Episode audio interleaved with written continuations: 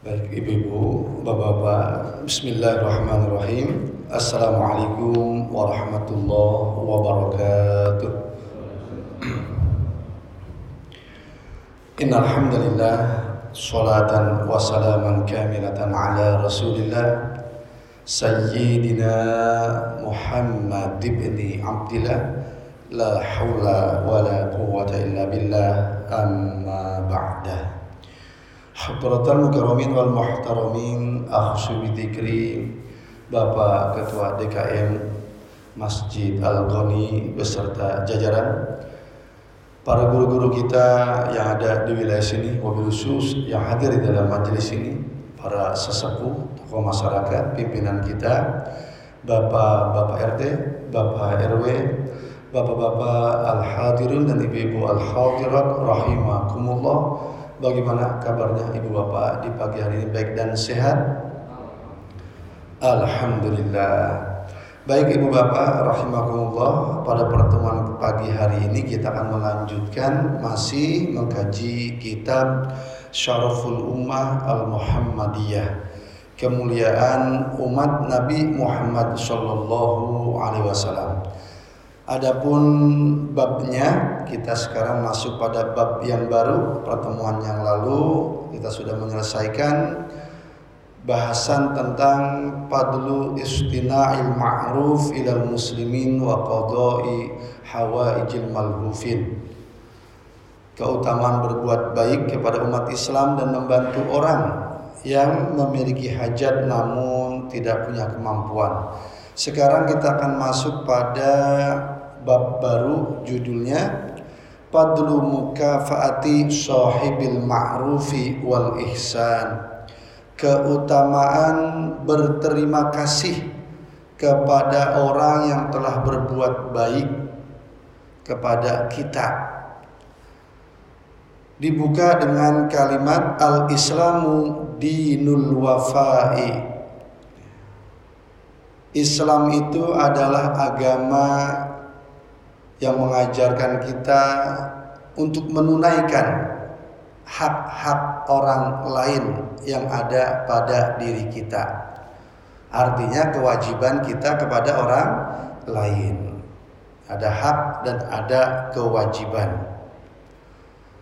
Wa min fadaili hadhil ummah dan dari keutamaan-keutamaan umat Nabi Muhammad sallallahu alaihi wasallam ini annal Islam bahwasanya Islam yaitu agama kita maksudnya yagrisu fi qulubi abnaihi al-wafa bahwasanya Islam adalah agama yang menanamkan menempa di lubuk hati ya, penganutnya. Ya, artinya yang memeluk Islam kita ini dan seluruh umat Islam apa al-wafa tentang pentingnya menunaikan hak-hak orang lain yang ada pada diri kita. Artinya ditumbuhkan rasa tanggung jawab. Ini ajaran Islam Bapak-bapak, Ibu-ibu. Hak-hak anak yang ada pada diri kita itu betul-betul ditempa dalam Islam. Hak-hak eh, orang apa anak kepada orang tua, orang tua kepada anak, suami kepada istri, istri kepada ya suami. Nah, nanti kemudian setelah itu muncul ya, sesuai judul kita ucapan terima kasih. Karena kebaikan yang telah kita tunaikan kepadanya dan kebaikan dia yang ditunaikan kepada kita. Sehingga dipastikan harmonis dan romantis kehidupan umat Islam kalau memang betul-betul berlandaskan kepada ajaran Islam. Permasalahannya kita mengaku Islam agamanya tapi tidak islami perbuatannya, tidak islami perkataannya, tidak islami pola pikirnya, pola geraknya, pola kehendaknya. Makanya Allah berpesan dengan kalimat perintah dan itu dibacakan setiap hari raya besar umat Islam yaitu hari Jumat oleh khotib. Ya, ya ayyuhalladzina amanu taqullah haqqa tuqatih wa la tamutunna illa wa antum muslimun. Itu.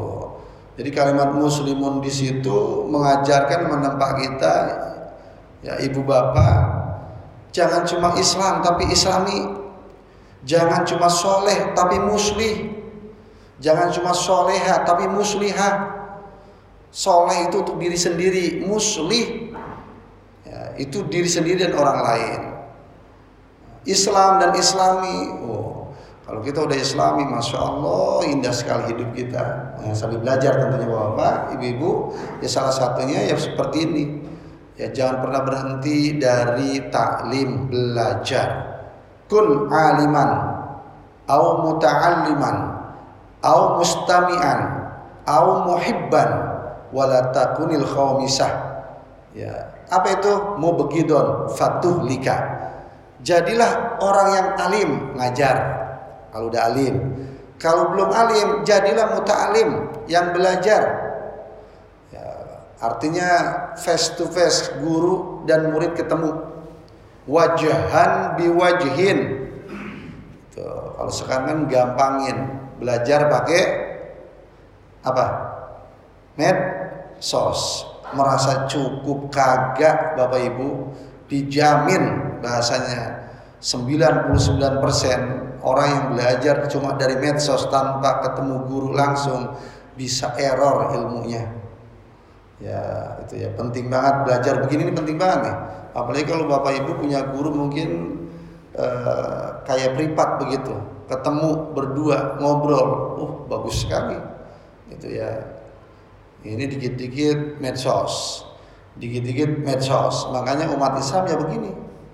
Jadi ngempos gitu nampaknya pinter-pinter ya, implementasinya dangkal. Kenapa? Berkahnya nggak ada.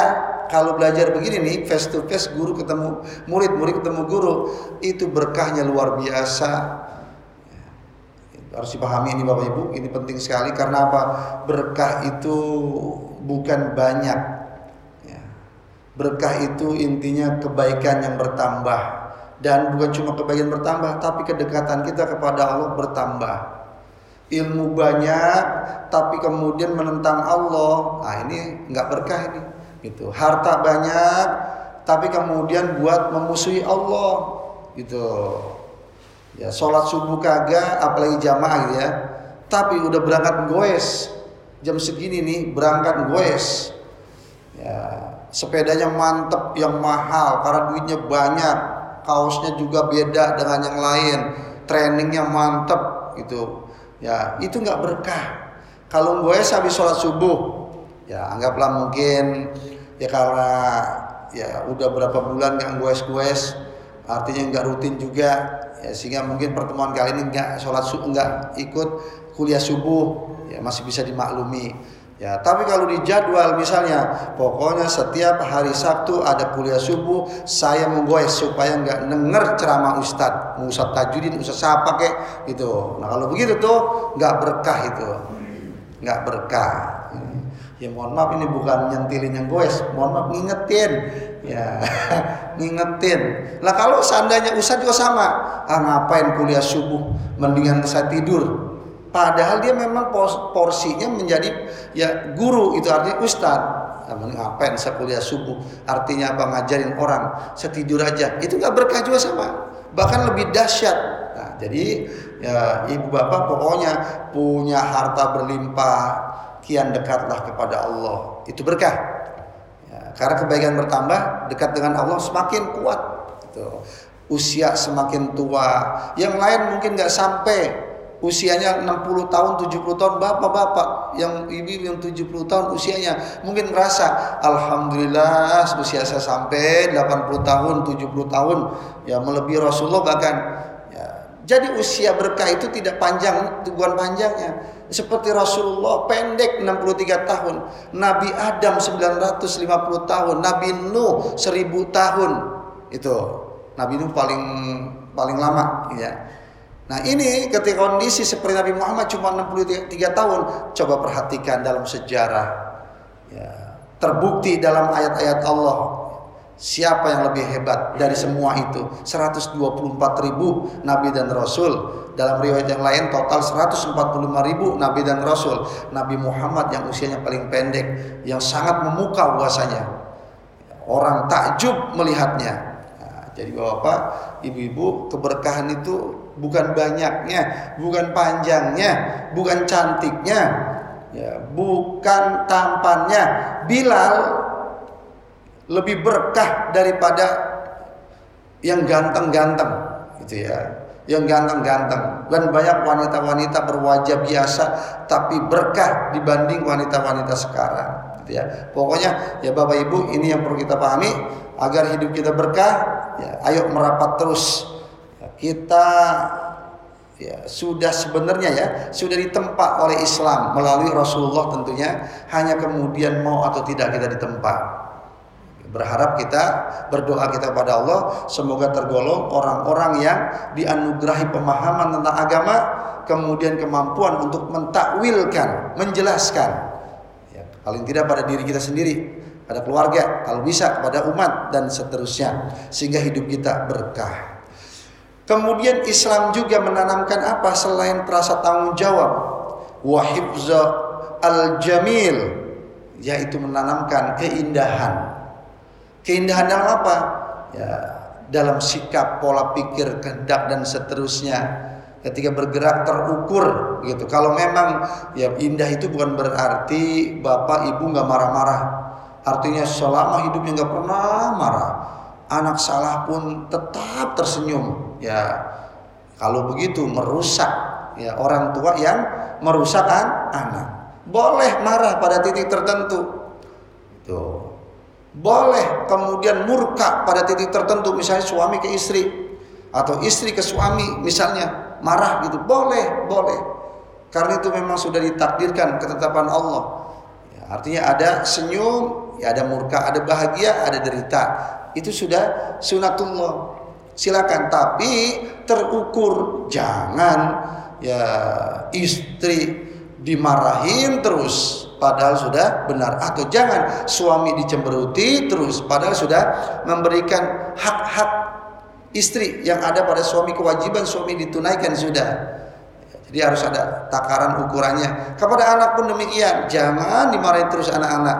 Padahal ya mereka udah baik dan jangan juga terus disayangi dimanja padahal mereka melakukan perbuatan yang tidak baik nah, jadi ibu bapak ya keberkahan itu muncul kalau kita bisa menempatkan sesuatu pada porsinya. Wa ma'rifata wa ma'rifati li ashabihi. Ya. Jadi dari kedua rasa tanggung jawab yang diajarkan oleh Islam, kemudian menjaga keindahan, kemudian mengetahui ya, porsinya kepada siapa ya, tanggung jawab itu kita berikan. Jadi terarah betul ajaran Islam itu. Kepada siapa? Ya, kita berikan tentunya sesuai tema kepada orang-orang yang sudah berbuat baik kepada kita. Nah, ini di sini kan jelas betul. Ya kepada orang yang berbuat buruk kepada kita, silakan berlaku tegas. Ya tapi jangan melampaui batas. Karena kenapa? Yang mestinya kita tegas itu dapat pahala, kalau sudah melampaui batas, kita dapat dosa. Kenapa? kita telah menzolimi, menzolimi orang. Bahasanya kita dipukul marah. Dia mukul sekali, kita mukul sekali. Kalau perlu kita tangkis dulu. Nah ini dia baru mukul sekali, kita udah 10 kali. Ya, akhirnya apa yang muncul? Dendam. Itu dendam yang ada. Ya, kalau udah dendam berdosa. Silakan, silakan bapak-bapak ya menempa siapa pun bahasanya kalimatnya pendidikan itu ya Ya, orang kalau mendidik itu bapak berbeda dengan mengajar. Kalau mengajar ya bahasanya di kepala saja di otak kiri. Bagaimana orang itu bisa cerdas. Kemudian nyerocos misalnya bahasa Arab bahasa Inggrisnya. Nah, sekarang yang sulit itu mendidik. Ya, setelah cerdas itu gimana ilmunya nanti? Bisa nggak diamalkan oleh yang kita ajari itu? Nah setelah kita ajari dia pintar, bisa kan mengamalkan pada dirinya dan ke orang lain juga. Nah itu tugas mendidik lebih berat kayak Pak RT di sini. Kalau sekedar programnya mengajar gampang, ya gampang.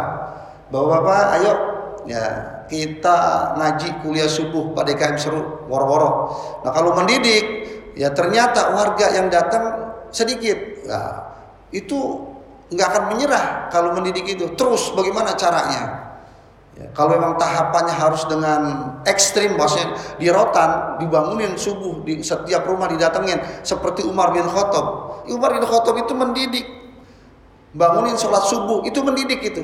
Kalau mengajar nyampein doang bahwa Pak sholat sebelum subuh pahalanya lebih baik daripada dunia dan isinya. Itu ngajar itu, ya itu ngajar. Kemudian ternyata setelah disampaikan kalimat yang hadis Rasulullah tersebut yang datang cuma lima orang dari total 20 orang. Kalau ngajar dia mudah. Ya. Tapi kalau mendidik enggak. Kenapa yang datang cuma lima orang? Kalau 15 orang yang datang alhamdulillah berarti target lima orang. Nah, kemudian kalau mendidik didata ya ada apa 15 orang yang enggak datang? Ditanyain Tentunya orang ditanya enggak kenapa nggak sholat subuh, mesti mungkin rasa apa marah ada dan seterusnya. Ya, itu resiko mendidik, gitu ya. Jadi mohon maaf ya kalau saya berikan contoh real kayak masih jogo karyan itu, itu mendidik di data ya, warga sekitar masjid. Kemudian yang kaya berapa orang, yang butuh bantuan berapa orang, yang sudah datang ke masjid berapa orang, yang belum berapa orang. Kenapa belum datang di data lagi? Kemudian yang bisa baca Quran berapa orang, yang belum bisa yang belum bisa baca berapa orang dan seterusnya. Itu mendidik Bapak. Itu mendidik. Memberi contoh plus menjadi contoh. Kalau kita nih umat Islam sudah begini nih jiwanya maju kita. Maju betul. Baik. Nah, kemudian Bapak-bapak, Ibu-ibu, wadalika bisyukrihim wa du'a ilahum sesuai tema kita setelah kita mengetahui hak atau kewajiban kita tanggung jawab kita kepada orang lain. Ya setelah orang lain menunaikan haknya hak kita yang ada pada dirinya ya, kita jaga bahwa apa keindahan. Supaya apa? Take and give kalau bahasa orang sekarang itu ya terjadi. Jangan orang lain terus memberi kepada kita kita nggak pernah memberi kepada orang lain atau sebaliknya. Maka Islam mengajarkan bisyukrihim wa du'a ilahum hendaknya kepada orang yang telah berbuat baik kepada kita berterima kasihlah kepadanya. Dan doakan mereka. Wal ikrari bil i'tiraf bi fadlihim. Dan syukur alhamdulillah kita bisa membalas secara real. Ya, dia ngasih kita apa? Kita ngasih dia juga apa? Begitu Pak. Kemudian di sini dikatakan hadisnya ini mulai tadi dua baris itu mukadimah. Wa qad amaruna bidzalika sallallahu alaihi wasallam faqal. Nah, untuk tema ini berbuat baik artinya mengucapkan terima kasih kepada orang yang telah berbuat baik kepada kita sesungguhnya telah diperintahkan oleh Nabi Muhammad sallallahu alaihi wasallam dalam sabdanya man ata ilaikum ma'rufan fakafi'uhu Siapa saja orang yang datang kepadamu, nah, kalimatnya kamu ini saat itu para sahabat. Sekarang untuk kita umatnya, ya, bahasanya wahai umatku, siapa saja orang yang datang kepadamu, ya, datangnya dengan apa? Ma'rufan, membawa kebaikan. Kalaupun memberi, memberi sesuai dengan nilai-nilai ilahi. Itu ya. Kalau berbuat sikap dengan sikap berbuat baik kepada kita, ya berbuat baiknya dengan nilai-nilai sesuai panduan Allah. Maka apa? Takafiuhu. Maka balaslah kebaikan orang tersebut. Fa illam tajidu fad'u.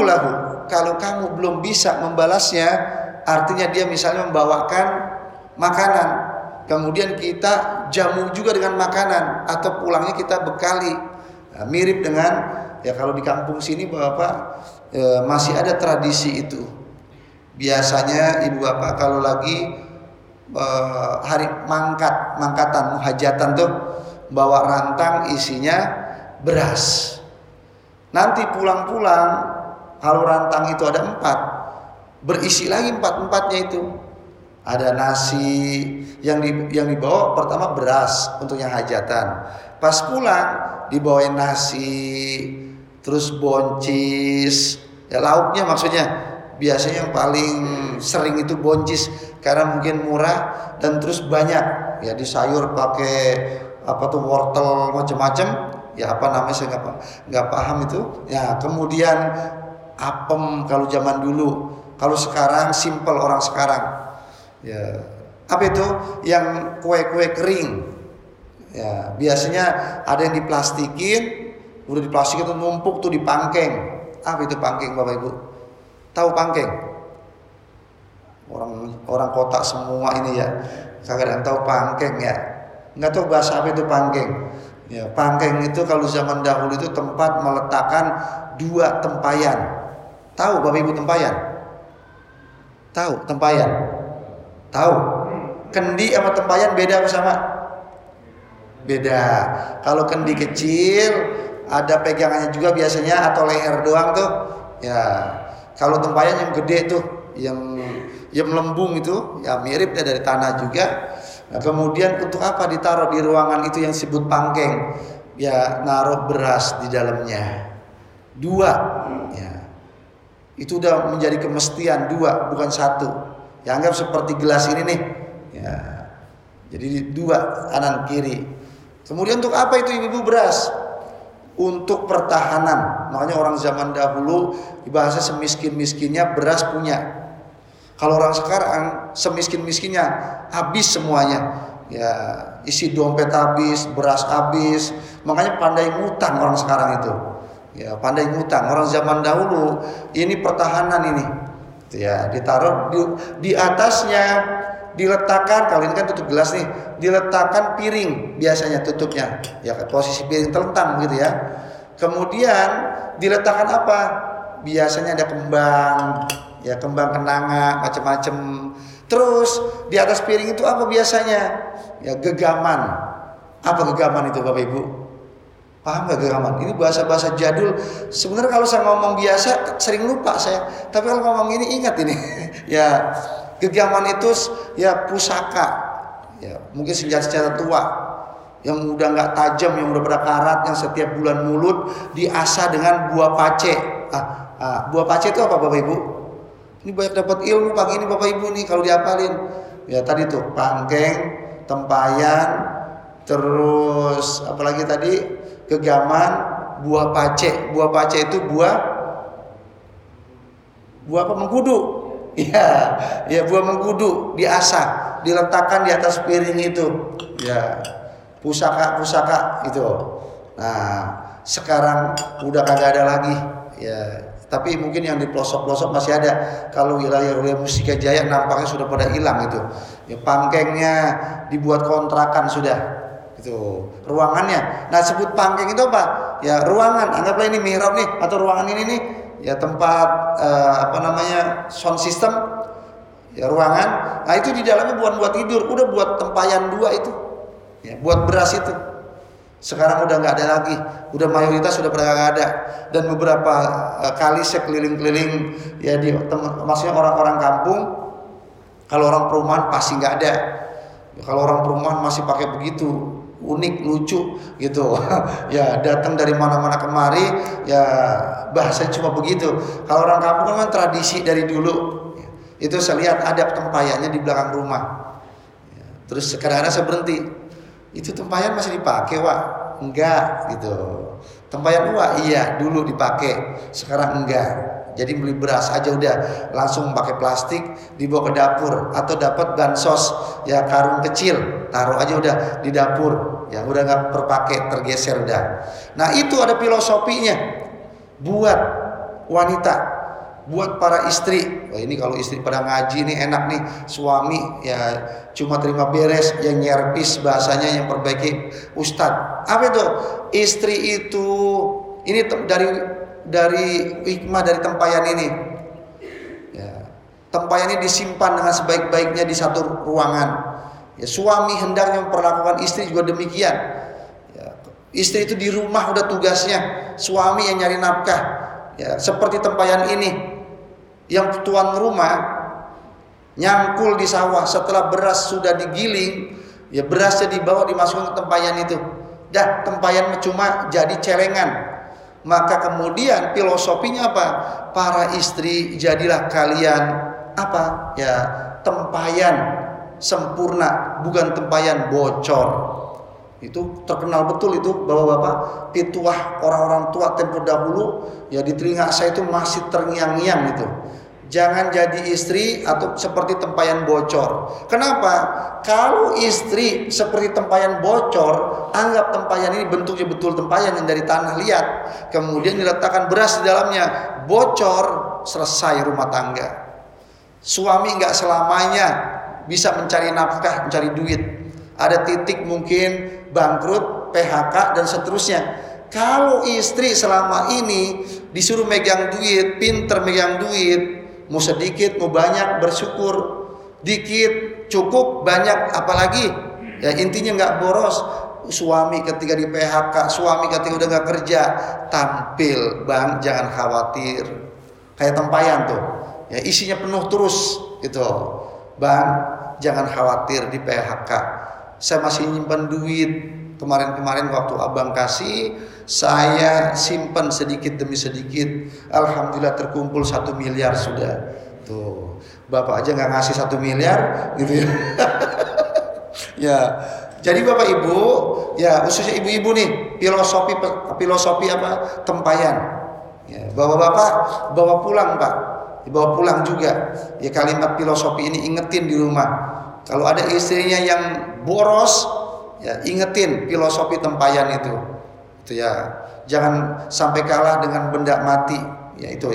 Ini benar-benar bapak-bapak tempaan-tempaan zaman dahulu. Sejak kemudian ada ATM sejak kemudian ada banking apa handphone itu. Ya itu. Ya tempayannya udah aprak-aprakan. Apa tuh aprak-aprakan? Udah nggak tentu sekarang orang gampang betul seret selesai seret selesai Pas dicetak itu laporannya di buku, bang, loh, loh, loh, ninggal nol. ya, sekarang begitu. Makanya apa yang terjadi? Ya pertahanan keluarga itu lemah-lemah. Ya, kecuali ya memang kita terus begini nih, taklim, saling ingetin. Selama-lamanya kita masih ada daya tahan insya Allah. Terutama ya ibu-ibu yang mengelola keuangan. Ya, karena apa? Kalau lemah iman, kalah sama tukang bakso yang lewat. Kalau lemah iman, kalah dengan pernak-pernik yang ada di dalam medsos itu dan seterusnya. Baik, kemudian kalau kita memang belum punya sesuatu untuk membalasnya, ya sesuai yang dia bawa kepada kita, kebaikan yang dia bawa kepada kita, bisa berbentuk materi, maka apa kata Rasulullah? Pada'u lahu. Doakan dia. Ya, kita di bawah ini misalnya ya buah misalnya kita ucapkan terima kasih. Semoga Allah ya membalas kebaikan Bapak. Nah itu doanya bahasa dengan lisan seperti itu. Ya. Bagaimana Ustaz? Boleh nggak diungkapin? Ya betul, boleh. Jadi jangan sampai kita dibawain sesuatu oleh orang diem aja. Ya, padahal udah doa dalam hati. Manusia itu tidak diperintahkan. Ini Rasulullah sabdanya. Aku diutus oleh Allah tidak diperintahkan untuk membelah dada orang. Apa maksudnya? Ya, makanya kalau ada kalimat ya saya tahu hati isi hati orang itu bohong. Ya, saya tahu isi hati orang itu bohong. Nabi aja nggak tahu gitu. Kita tahu bisa membaca seseorang seperti psikiater misalnya tahu karakter seseorang ya dari mana? Dari gerak-geriknya. Tuh, dari gerak-geriknya. Karena itulah Rasulullah aku tidak diperintahkan untuk membelah dada seorang. Artinya apa? Rasulullah menghukumi sesuatu dengan apa yang beliau lihat, yang beliau dengar dan apa yang beliau rasakan. Itu. Jadi ya Bapak Ibu, kita ketika dibawakan sesuatu kebaikan oleh orang, ya mulut ini ngomong. Kalau memang sudah nggak bisa ngomong, ada gerakan yang bisa ditangkap olehnya. Paling tidak gampangnya, terima kasih ya Pak. Itu. Ada tetangga bawain sayur asam misalnya, terima kasih ya Pak Semoga Allah membalas kebaikan Bapak. Nah, seperti itu. Ucapan terima kasih dalam bentuk doa. Nah, kalau kita mau tambahkan doa kita, kemudian ya kita sendiri dalam sholat, ya Allah, ya anugerahkan kepada tetangga saya, ya apa-apa aja sebut bagus. Ya, artinya doa yang sir tersembunyi, doa yang tidak diketahui oleh saudaranya itu mustajab. Dakwatul akhi lil akhi li akhihi bil ghaib mustajabun. Doa saudara kepada saudaranya, tetangga kepada tetangganya tanpa diketahui oleh yang didoakan. Itu mustajab ibu bapak. Nah, ini makanya kalau bisa ya banyakin doa kepada ya sesama kita, hari umat Islam. Ya doakan bangsa ini. Insya Allah setiap dari kita berdoa tidak diketahui oleh yang lain yang kita doakan. Maka apa? Doa-doa mustajab berseliweran. Ya naik ya ke aras bahasanya Pak. Menembus tujuh lapis langit sampai ke sisi Allah. Dikabul. Nah, seperti itu. Kemudian hatta ta'lamu anna qad kafa fihi. Ya. kalau bisa betul ya, kalimat yang tadi saya sampaikan kalau bisa dia tahu kita berterima kasih kita doakan. Ya. ucapkan kalimat ya dalam bentuk verbal, verbal kepada orang yang telah berbuat baik kepada kita, kepada istri. Nah, ini yang jarang banget ini kepada istri, kepada suami. Padahal yang paling baik kepada kita orang terdekat kita. Suami kepada istri. Bapak Ibu, khususnya Bapak-bapak saya tanya duluan, sering nggak dapat ucapan terima kasih dari istri? Ayo, Bapak-bapak ini. Istri Bapak sering ya ngucapin terima kasih. Terima kasih Ayah. Ya, uang mingguan, uang bulanan udah dikasih. Diucapin nggak terima kasih itu? Jarang ya? Jarang apa sering? Hah? Sering.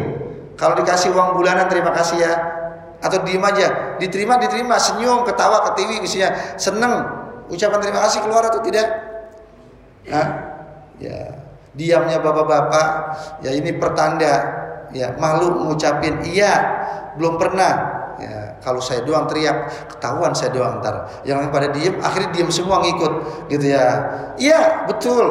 Jarang sekali istri berterima kasih kepada suami. Itu. Dan sebaliknya, suami jarang juga mengucapkan terima kasih kepada istrinya.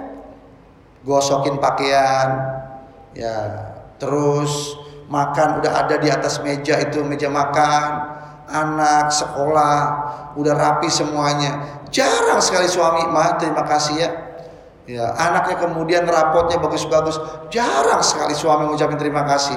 Inilah kemampuan setan menggoda kita. Sehingga apa?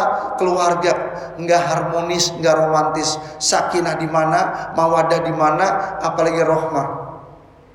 Coba kalau tukang warteg, ya mbak-mbak masakannya enak, udah kita kasih duit, ya kasih bayar, terus ngucapin terima kasih nggak kita pas keluar dari warteg itu. Terima kasih mbak. Hmm, sambil senyum wajah ya tertatap dari kepala wajah ini lurus ke dada sampai ke telapak kaki lurus ke arahnya. Terima kasih mbak. Muji bahkan masakannya enak banget mbak. Coba ke istri masakannya meskipun enak ya kalaupun terima kasih dada ada di timur ngarah ke timur wajah ke uh, selatan, sedangkan istri di sebelah utara. Tuh. Ya, kalau Rasulullah kan ngajarin ya ini ajaran Rasulullah betul-betul arti beliau yang melaksanakan. Ya Rasulullah, orangnya ada di sebelah barat. Saya posisinya ngadep ke timur, total dari wajah ke telapak kaki. Ya, Rasulullah tidak akan menjawab melainkan apa? Sekujur tubuh beliau menghadap ke barat juga. Yang ada ke barat total ya ada apa? Puas betul orang yang manggil itu, sempurna. Nah, ini. Jadi ya kita mulailah dari keluarga dulu, ucapan terima kasih kita biasakan. Ya orang-orang terbaik itu orang terdekat dengan kita itu ya istri, suami, orang tua dan seterusnya.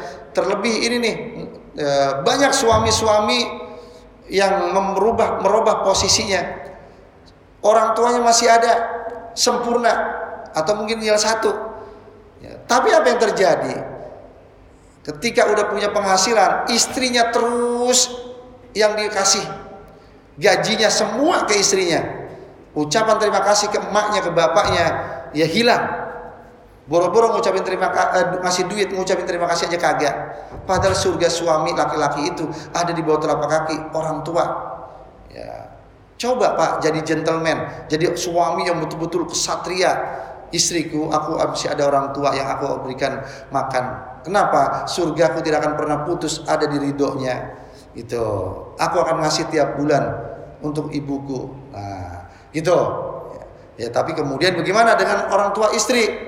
Berlakulah adil karena mertua juga orang tuh tua. Gitu.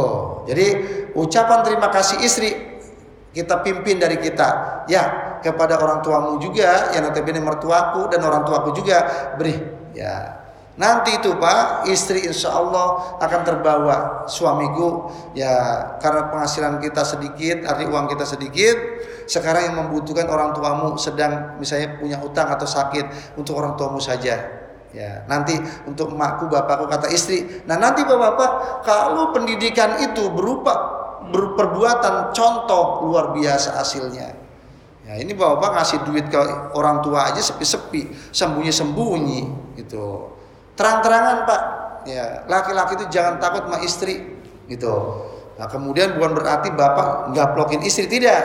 Artinya ketika mengambil keputusan jangan sepi-sepi. Sampaikan saja sudah Nah istri yang soleha kalau baik didukung keputusan itu. Istri yang toleha itu yang repot. Iya, ya mak lu doang dikasih. Ya mak gua boro-boro. Wow, perang berantem terus itu akhirnya gitu ya. Apalagi suami kemudian karena banyak faktor mungkin belum cukup untuk orang tuanya atau memang enggak ya mau ngasih mertua atau orang tua dari istri nah ini. Jadi terima kasih tuh ya mulai dari orang terdekat dulu karena pastinya jasa mereka sangat luar biasa. Selanjutnya di hadis yang kedua, wa fi riwayatin man ilaikum ma'rufan. Ya. Man istana'a ilaikum ma'rufan. Fajazuhu. Siapa saja orang yang berbuat baik Istona'a itu diambil dari kata sona'a. Ya, Sona'a itu artinya membuat. Karena itulah pabrik bahasa Arabnya Bapak Ibu masna. Mim, sod, nun, ain. Masna. Itu bahasa Arabnya pabrik. Siapa saja orang yang berbuat baik kepadamu maka apa balaslah perbuatan baik tersebut. Pain ajaztum an mujazaratihi fada'u kalau kalian belum mampu alias lemah membalas kebaikannya sesuai yang dia lakukan berupa materi maka apa? Jangan putus asa. Ya balaslah dengan berdoa alias mendoakannya. Hatta ta'lamu anna qad syakartum. Sampai-sampai kemudian kalian ngerasa sudah membalas kebaikannya. Nah, ini ya doa itu memang Bapak Ibu jangan ya apa namanya putus dari doa. Karena doa itu mukhul ibadah. Sumsumnya intisarinya ibadah. Ya, dan doa efeknya itu sangat positif. Baik vertikal atau horizontal baik internal atau eksternal, baik dekat ataupun jauh. Doa, banyakin doa. Ya, makanya kita diajarkan kalau pengen ya hajat-hajat kita terkabul, silakan berdoa linear. Ya, ketika kita sangat membutuhkan sesuatu, doakan orang lain. Ya, misalnya kita pengen kaya, doakan orang-orang yang kita lihat. Misalnya ada nenek-nenek nyari rongsok, ya Allah, Ya limpahkan rizkimu yang baik banyak dan halal untuk nenek tersebut. Mudahkan urusannya ya Allah. Ya nanti itu mantul maka kita. Kita melihat kita pengen punya anak yang soleh. Kita melihat anak anak-anak berjalan ke sekolah atau ke mana atau main bola. Ya Allah, misalnya di e, pasos misalnya atau pasum anak-anak pada main bola banyak ya Allah jadikan seluruh anak-anak yang ada di tempat itu jadikan anak-anak minas solihin tergolong orang-orang yang soleh itu Pak mantul linear ke kita nanti, ke anak kita. Ya, kalau kita pengen punya mobil misalnya, ya, terus kita lihat tetangga punya mobil, jangan gedek ibu bapak. Jangan kemudian kita marah, ya, iri, negatif. Tapi Pak doakan, ya Allah berkahi kendaraan yang dimiliki tetanggaku. Ya, selamatkan di mana pun mereka, ya, dipakainya ke mana pun berangkatnya. Gitu. Doakan, gitu ya. ya. Bapak ibu kita kalau mau balikin itu doa, artinya ya Allah anugerahkan kepadaku juga mobil ya Allah. Boleh, kalaupun tidak Allah sudah Maha tahu. Kenapa? Ya ya Allah yang Maha tahu, Pak. Bahasa kalau manusia pun disuruh menilai, kita punya tetangga punya mobil, terus kita doakan semoga ya berkah mobilnya. Itu Pak, kalau orang dinilai psikiater gitu ya, menilai Bapak sudah mapan jiwanya. Artinya apa? Bisa mengendalikan emosi sudah. Berbicara mobil, sudah saatnya Bapak punya mobil. Kenapa? Bapak enggak ya emosian dan seterusnya. Irinya positif. Tuh. Itu kalau orang saja disuruh nilai itu begitu, apalagi Allah. Ya, Ya, yang maha sempurna menilai kita, hambaku ini sudah saatnya memiliki kendaraan dan seterusnya. Jadi itu Bapak-bapak, Ibu-ibu, balas dengan doa. Fa innallaha syakirun yuhibbu syakirin. Kenapa kita disuruh ya kepada orang yang berbuat baik kepada kita berterima kasih kemudian karena sesungguhnya Allah syakir yuhibbu syakirin. Allah itu syakir, Pak.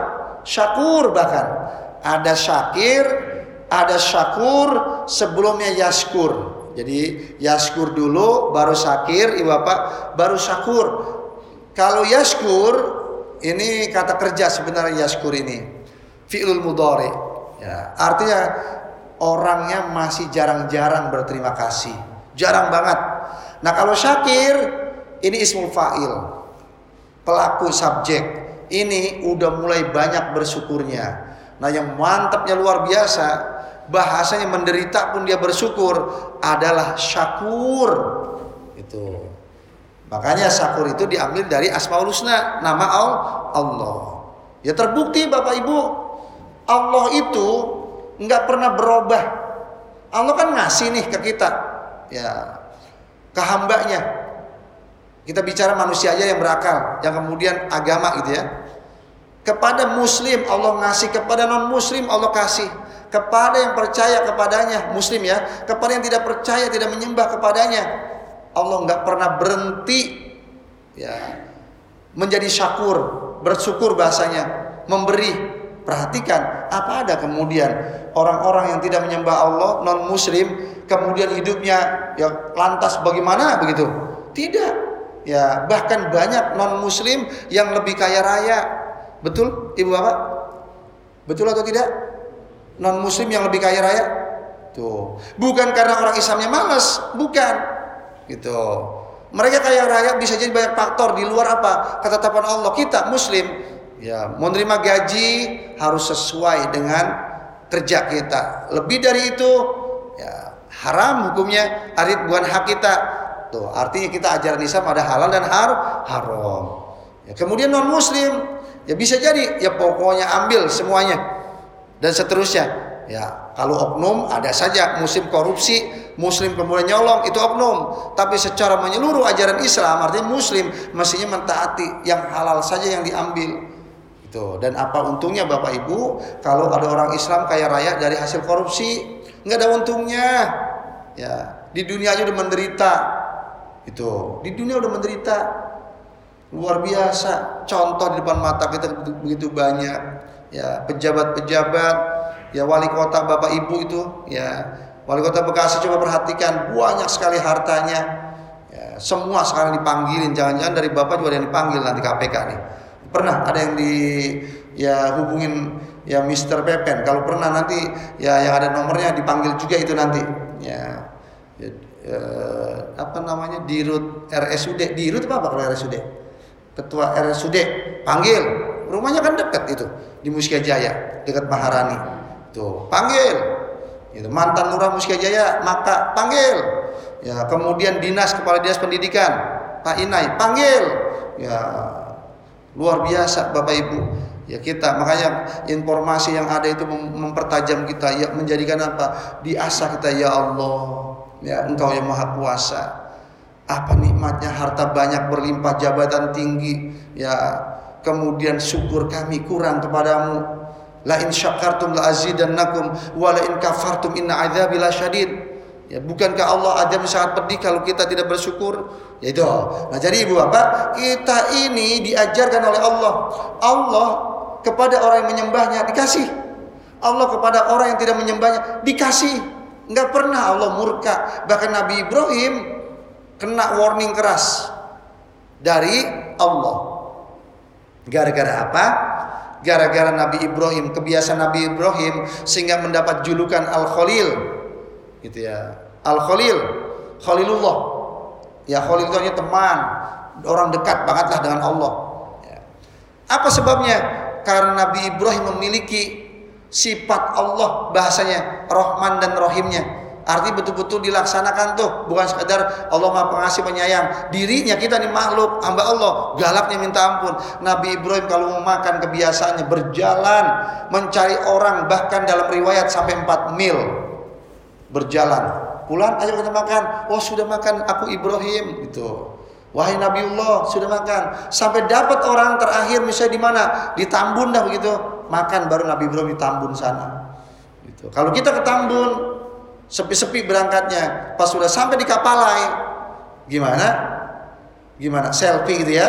Terus di share di grup. Ya mohon maaf ya anggota grup saya lagi ya di Kapalai gitu. Atau mungkin ya yang yang mau makan ya merapat Malu pak orang kalau udah sampai ke sana mau makan merapat nawarinya. Nggak ngajak dari pertama padahal mobil masih kosong gitu. Nah kita itu karakternya berbeda dengan Nabi Ibrahim. Nabi Ibrahim kemudian suatu saat ya ketika bertemu dengan orang-orang ngumpulin nih ya ngumpulin orang-orang di situ ada muslim ada yang belum muslim. Kemudian Nabi Ibrahim berkata yang belum muslim tidak dapat. Kenapa? Tidak menyembah Allah. Begitu. Yang muslim silakan makan. Ya Allah kemudian negur Nabi Ibrahim Ibrahim aku saja Tuhan Tuhanmu dan Tuhan seluruh manusia tidak sebegitunya. Ya, yang beriman kepada aku kasih, yang tidak beriman pun kasih. Tuh, itu namanya syakur. Syakur disakiti minta ampun Allah oleh hambanya. Ya. Setelah dikasih nikmat kenikmatan oleh Allah, yang disembah bukan Allah, Allah tidak pernah berhenti ngasih terus, terus dan terus dan terus ngasih.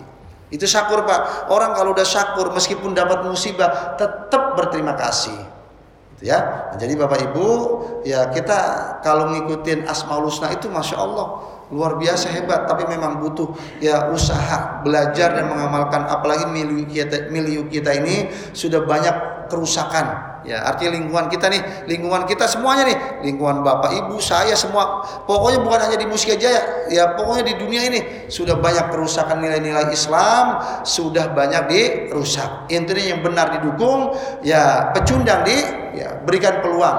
Intinya seperti itu. Ini tanda-tanda memang akhir zaman. Yang benar disalahkan, yang salah dibenarkan. Gitu. Kayak begini nih, kalau bapak ibu kuliah subuh, ustadznya nggak datang. Gitu Seneng nggak ibu bapak? Jujur jawab. Seneng apa? Seneng apa? Seneng apa gembira? Gitu. Dulunya sama ya. Ya, karena pilihannya pasti sama. Ya, ustaznya kagak datang, diumumkan. Ya biasa kan diumumkan tuh. Mohon maaf Bapak Ibu, minggu ini ustadznya berhalangan hadir. Gitu. Senang ah, alhamdulillah. Meskipun tidak terucap, itu bawaan dari SD itu ya bawaan dari SD, kuliah dan seterusnya. Nah, sekarang bagian sesi ibadah, eh bagian sesi pendidikan maksud di sini ya nyari pengganti. Nyari pengganti. Di antara jamaah itu nggak tanya ada ustadz, ya bisa tinggal di sini. Ustadz mohon maaf pagi ini ustadz yang ya diumumkan ustadz kita tidak hadir yang punya yang dapat jadwal hari ini. Nah untuk hari ini ya lihat-lihat dulu Oh ya, ada Pak Ustadz, Pak Ustadz minta tolong badalin untuk ngisi kuliah subuh.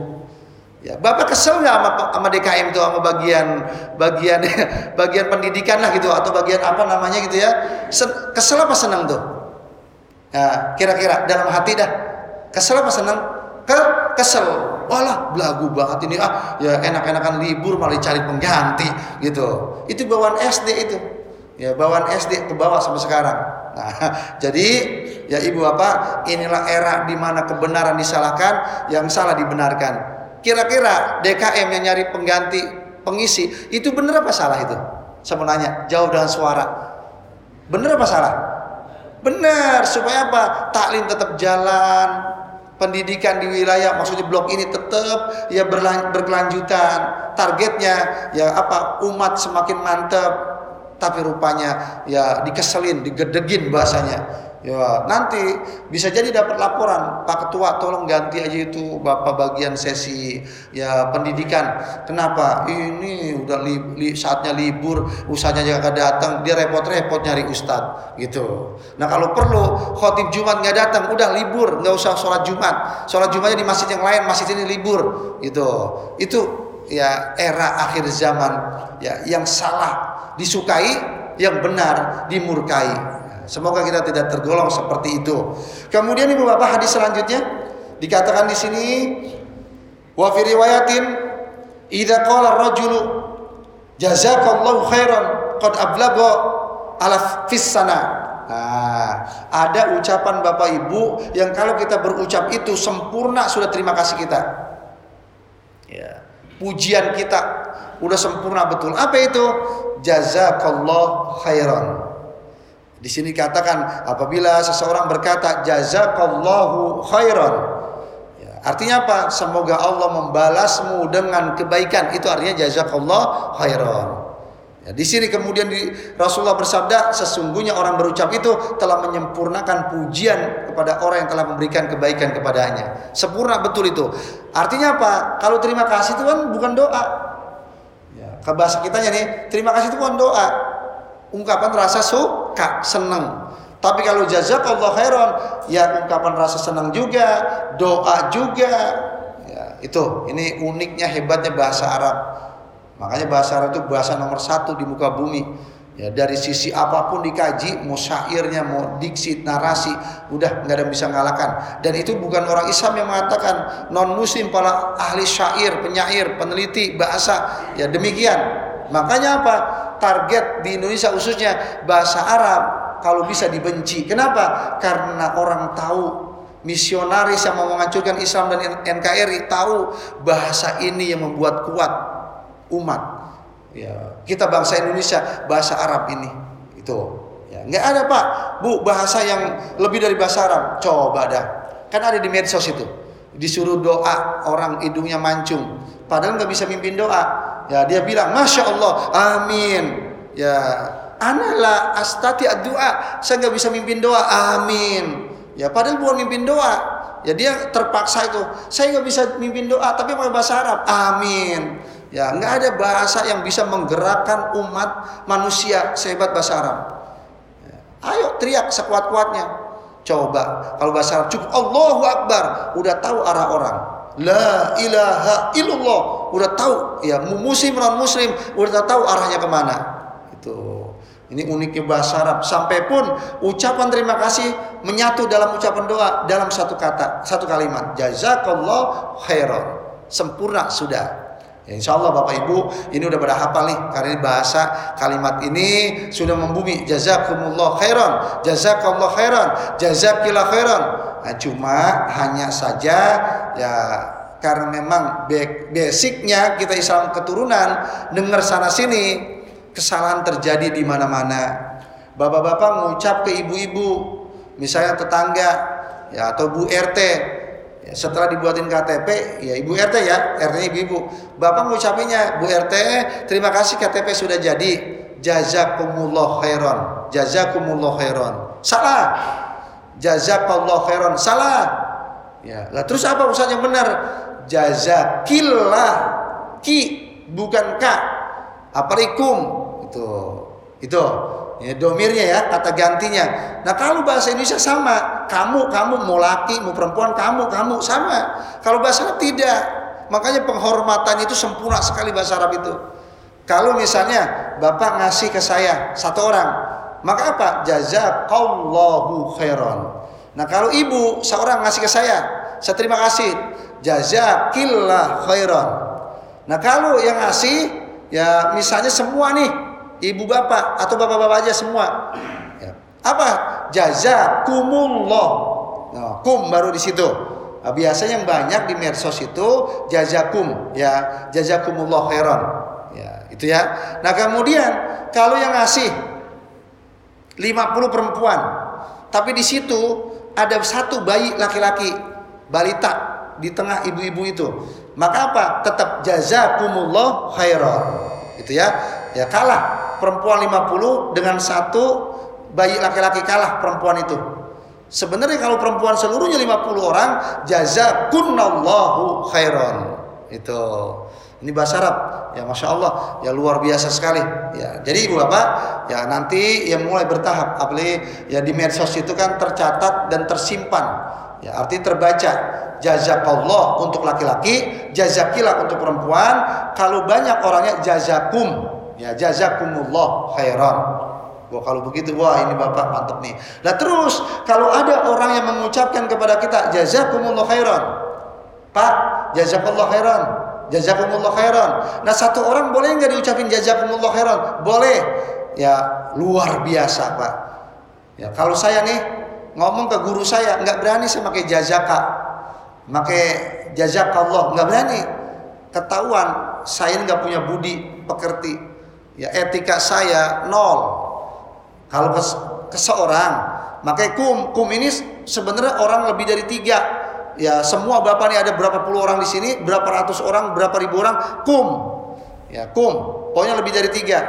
Kalau di bawah tiga, dua, eh, maksudnya masih satu, k. Nah, kalau kepada guru, misalnya kepada orang yang kita hormati, jangan jazakallah khairan, tapi pakailah jazakumullah khairan, penghormatan begitu. Jazakumullah khairan Pak. Begitu. Ditulis misalnya ya di, di ujung tulisan. Ya terima kasih atau jazakumullah khairan. Terus balasannya apa? Kalau kita dengar ada orang jazakumullah khairan atau jazakumullah khairan dua jawabannya. Boleh sama jazakumullah khairan atau wa iyyakum ya wa iyyakum seperti iya karena budu wa iya karena iya tuh. Ya wa iyaka atau wa iyakum kalau perempuan wa iyaki gitu. Nah, sering saya dapat dari jamaah ibu-ibu biasanya. Ya ketika Ustaz terima kasih jazakumullah khairan. Saya balas wa iyaki eh besoknya nulisnya ke saya wa iyaki ya Ustaz wa iyaki lah ya wadon sejadinya gitu ya. ya tapi nggak apa-apa karena memang belum tahu. Seperti itu. Nah kalau jawabannya syukron ya misalnya ya, kita dikasih sesuatu Terus kita mengucap ya apa namanya syukron, terima kasih. Nah, jawabannya gimana? Afwan, afwan, gitu ya. Ini kalimat yang sering diucapkan di medsos. Kalau bisa ya diingat-ingat agar apa paling tidak ya nilai-nilai atau ajaran Islam itu membumi dan benar, nggak salah. Tuh, kita ucapkan benar. Grammarnya khususnya karena ini memang dibahasa. Baik, Bapak-bapak, sebagai penutup Ibu Bapak, Rasulullah SAW ya bersabda la yashkurullah man la yashkurin laman lam yashkurinas tidaklah bersyukur kepada Allah orang yang tidak bersyukur kepada manusia dan kemudian la yashkur man lam yashkuril qalil lam yashkurin lam yashkuril lam yam, la, lam yashkuril kathir siapa orang yang tidak bisa bersyukur atas sesuatu yang sedikit maka tidak tidak bersyukur dengan sesuatu yang banyak jadi untuk bersyukur kepada Allah, arti berterima kasih kepada Allah, berterima kasihlah kepada manusia. Dengan berterima kasih kita kepada manusia, berarti kita telah berterima kasih kepada Allah. Kenapa? Karena kita sudah mengamalkan ajaran Allah. Ini kan yang merintahkan Allah ini bersyukur nih. Demikian, kalau kita pengen dikatakan bersyukur pada sesuatu yang banyak, bersyukurlah kepada sesuatu yang sedikit dulu. Ya makanya Bapak Ibu, ya yo ini kita mohon maaf bukan garmin lautan nih. Ibu Bapak lebih berpengalaman. Kita semuanya suami, terimalah kekurangan istri. Si istri terimalah kekurangan suami. Kalau ada istri, kalau ada suami yang tidak bisa menerima pasang, kekurangan pasangan hidupnya, katakan kepada pasangan hidup itu, Anda pasanganku, Anda tidak berhak menerima kelebihanku. Begitu. Jadi istri yang tidak bisa menerima kekurangan suami tidak pantas menerima kelebihan suami. Dan sebaliknya, ya, kenapa? Mesti di dalam satu tubuh manusia itu ada lebih, ada kur, kurang. Ya mungkin ngaji nggak bisa, gitu ya. Ngaji nggak bisa, baca Quran maksud saya. Ya. Ngajinya rajin, tapi baca Quran nggak bisa. Ya, nyari duitnya pinter, bisa jadi, gitu ya. Syukur alhamdulillah kalau nyari duitnya pinter, duitnya banyak, ngajinya pinter, wah mantep begitu. Ya solehnya benar-benar luar dalam bahasanya. Ya baik, bapak ibu, ya ya Rasulullah, Zahabal ansaru bil amri kullihi mara'ina qauman ahsana badalan likathiri wal asana muasatan fi qalili minhum laqad kafa laqad kafauna al mu'na qal alaysa tuthnuna alaihim bihi wa tad'una lahum qalu bala ya jadi sebagai penutup mesranya antara ansor dan muhajirin ini contoh real nih Ansor dan Muhajirin, Ansor penduduk Madinah, Muhajirin penduduk Mekah. Suatu saat berpisah dalam sebuah perjalanan. Intinya yang Ansor kembali ke Madinah. Ya, ini dari Mekah. Ya. Posisinya mereka telah pergi ya Rasulullah sedangkan mereka begitu baik kepada kita di Madinah. Sekarang mereka pulang kampung kita berada di posisi di tanah kelahiran kita. Ya, gimana ya Rasulullah kami bisa membalas kebaikan mereka? Rasanya belum cukup. Ya, sedih, Pak. Ya, memang detik-detik perpisahan itu ya detik penyesalan banyak terjadi waktu bersama mungkin kita banyak kurang bersyukur itu tadi istri suami masih akur kurang bersyukur atau mungkin masih bersama dalam satu naungan rumah tangga pas udah meninggal dunia baru menyadari ya Allah istriku yang terbaik suamiku yang terbaik baru penyesalan terjadi. Ini juga sama dirasakan oleh muhajirin. Tapi Rasulullah kemudian menghibur menyampaikan sesuatu yang memang benar. Bukankah kalian telah memujinya waktu kalian dikasih dulu Arti berterima kasih dan bukan kalian telah berdoa mendoakannya. Iya ya Rasul. Bala, kalau demikian kalian telah membalas kebaikannya. Jadi sudah, biarkan mereka kembali ke Madinah, kalian tetap di Mekah nunggu kampung halaman. Mereka kembali ke kampung halaman mereka. Begitu. Baik Ibu Bapak rahimakumullah, ini satu tema sudah selesai. Ya, bahasan kita ajaran Islam mengajarkan apa? Rasulullah dan Allah Rasulullah mengajarkan kita untuk berterima kasih kepada orang-orang yang telah berbuat baik kepada kita. Siapa pun orang tersebut mau muslim mau non Islam ya berbuat baiklah ya kepada orang yang telah berbuat baik kepada kita. Ya tapi tentunya kalau kita mengucapkan jazakumullah khairan ya itu terarah kepada mereka yang percaya kepada Allah. Karena apa? Ya ya apa namanya? Imbalan surga ya dipastikan pada mereka yang telah mendaftarkan diri yang artinya bersyahadattain di awal waktu mereka berbuat kebaikan. Nah kalau pada non muslim terima kasihlah bahasa begitu. Terima kasih Pak. Kalau terima kasih memang bahasanya umum begitu. Baik, mungkin ada pertanyaan Bapak Ibu di dalam tema atau luar tema sebelum ditutup bisa dipahami? Alhamdulillah. Baik Ibu Bapak rahimakumullah. Ya, semoga menjadi ilmu yang bermanfaat bisa kita amalkan pelajaran pagi hari ini. Mohon maaf kalau ucapan saya Quran yang didengar demi Allah tidak ada tujuan saya menyakiti perasaan siapa pun. Wabil khusus Ibu Bapak yang hadir dalam majelis ini dan umumnya yang mendengar di luar sana, saya berusaha menyampaikan firman Allah sabda Rasulullah serta perkataan ulama yang saleh dalam rangka tawasobil haq wa sabar. Semoga kita dijadikan ahli surganya Allah Subhanahu wa taala. Mari kita berdoa ya Allah jadi simana hadis عشما مباركا مرحوما. وتفرقنا من بعده تفرقا مباركا معصوما يا الله بارك لنا بلغ مقاصدنا. يا الله اختمنا بحسن الخاتمة. واجعل آخر كلامنا لا إله إلا الله. محمد رسول الله. اغفر لنا يا الله ذنوبنا والوالدين. وارحمهم كما ربونا صغارا. يا الله اجعل هذه القرية شيكة مشتكة جاية بكاسي. آمنة طيبة وأنت غفور. وارزق أهلها من الثمرات. من آمن من بك واليوم الآخر. وادفعنا القلى والبلا والوبا كورونا. والفحشاء والمنكر والزلازل والزنا والربا والمئن والسوء والفتن ما ظهر منها وما بطن. إنك على كل شيء قدير. ربنا آتنا في الدنيا حسنة وفي الآخرة حسنة وقنا عذاب النار. وصلى الله على سيدنا محمد النبي الأمي وعلى آله وصحبه وبارك وسلم. وتحيتهم عن الحمد لله رب العالمين. Terima kasih Ibu Bapak atas perhatiannya. Bila taufik wal hidayah. Wassalamualaikum warahmatullahi wabarakatuh. Waalaikumsalam.